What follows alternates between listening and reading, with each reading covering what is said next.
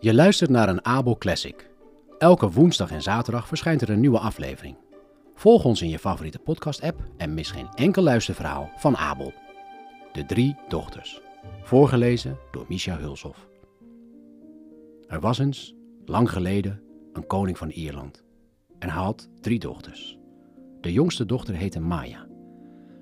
Haar zussen waren altijd onaardig tegen haar, omdat Maya de slimste was. De zussen waren daar erg jaloers op. Op een dag werd de koning ernstig ziek. Hij riep zijn drie dochters bij zich en zei: Jullie moeten de boomgaard van Boer Dijkstra vinden. Daar groeien magische appels. Als jullie één van die appels aan mij geven, zal ik genezen. De drie dochters gingen op pad. Ze zadelden hun paarden op en ze reden tot ze bij een kruispunt kwamen. Daar stopten ze. En ze spraken af dat ieder van hen een van de wegen zou nemen en op zoek naar de appels zouden gaan. Na een jaar en een dag zouden ze elkaar weer zien en elkaar op dezelfde plek ontmoeten.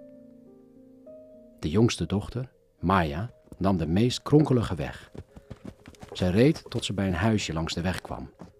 Ze ging naar binnen en zag een oude vrouw aan tafel zitten. En die zei: Wat een eer!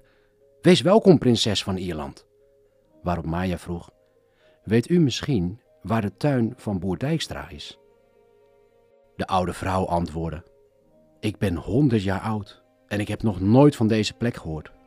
Maar ik heb een broer die honderd jaar ouder is dan ik. Misschien weet hij het wel. De volgende morgen gaf de oude vrouw een kano aan de prinses en wees haar de weg naar het huis van haar broer. De prinses voer in de kano naar de broer. Daar werd de prinses welkom geheten en ze kreeg een heerlijke maaltijd. Ze vroeg of hij wist waar de boomgaard van Boer Dijkstra was. Dat weet ik niet, zei hij. Ik ben dan al wel 200 jaar oud, toch heb ik hier nog nooit van gehoord.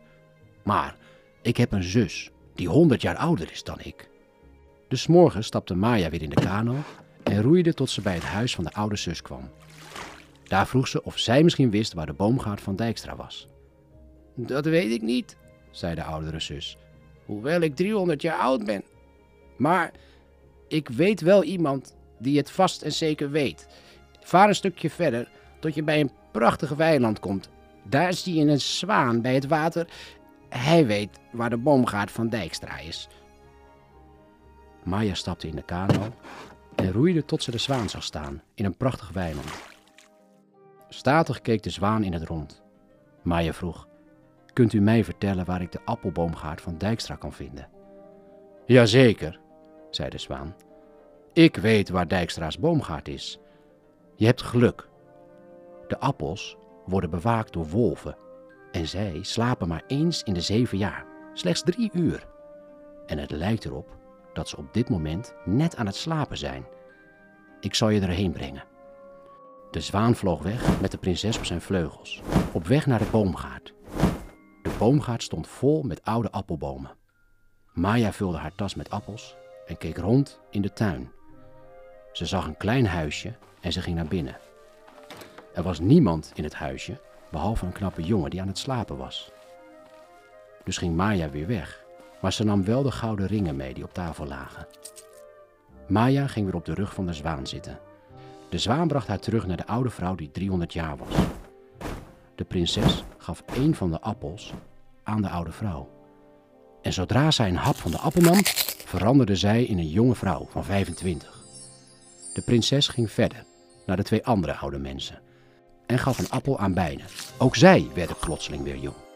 Maya ging weer terug naar het kruispunt, want er was inmiddels een jaar en een dag voorbij. Ze was de eerste die daar aankwam en tijdens het wachten op haar zussen viel ze in slaap. Haar twee zussen kwamen even later aan.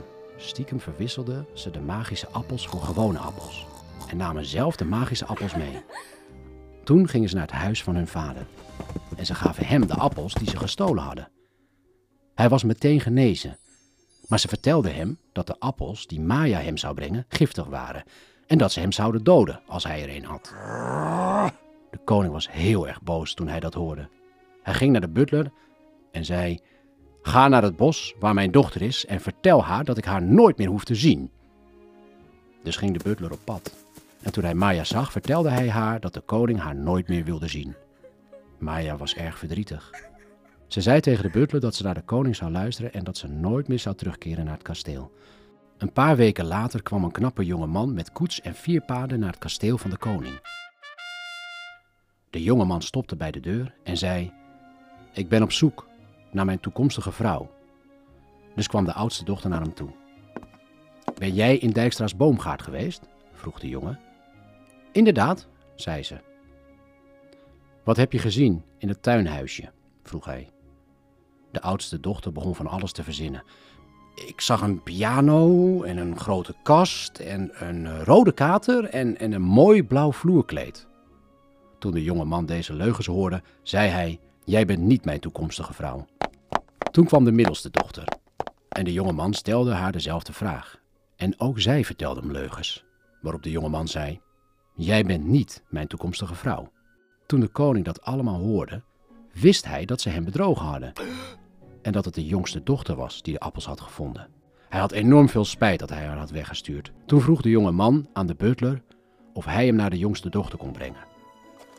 Samen gingen ze naar het bos en daar vonden ze haar. Maya had al die weken in het bos geleefd.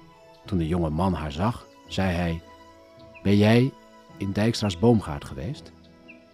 Inderdaad, zei ze. Wat heb je gezien in het tuinhuisje? vroeg de jonge man. Deze ringen, zei ze, en ze stak haar hand in haar zak en haalde de gouden ringen tevoorschijn.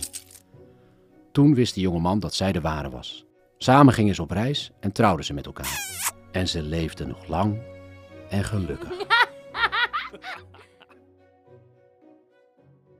Dit sprookje werd voorgelezen door Misha Hulshoff. Bedankt voor het luisteren naar een Abel Classic. Elke woensdag en zaterdag verschijnt er een nieuwe aflevering. Volg ons in je favoriete podcast-app en mis geen enkel luisterverhaal van Abel.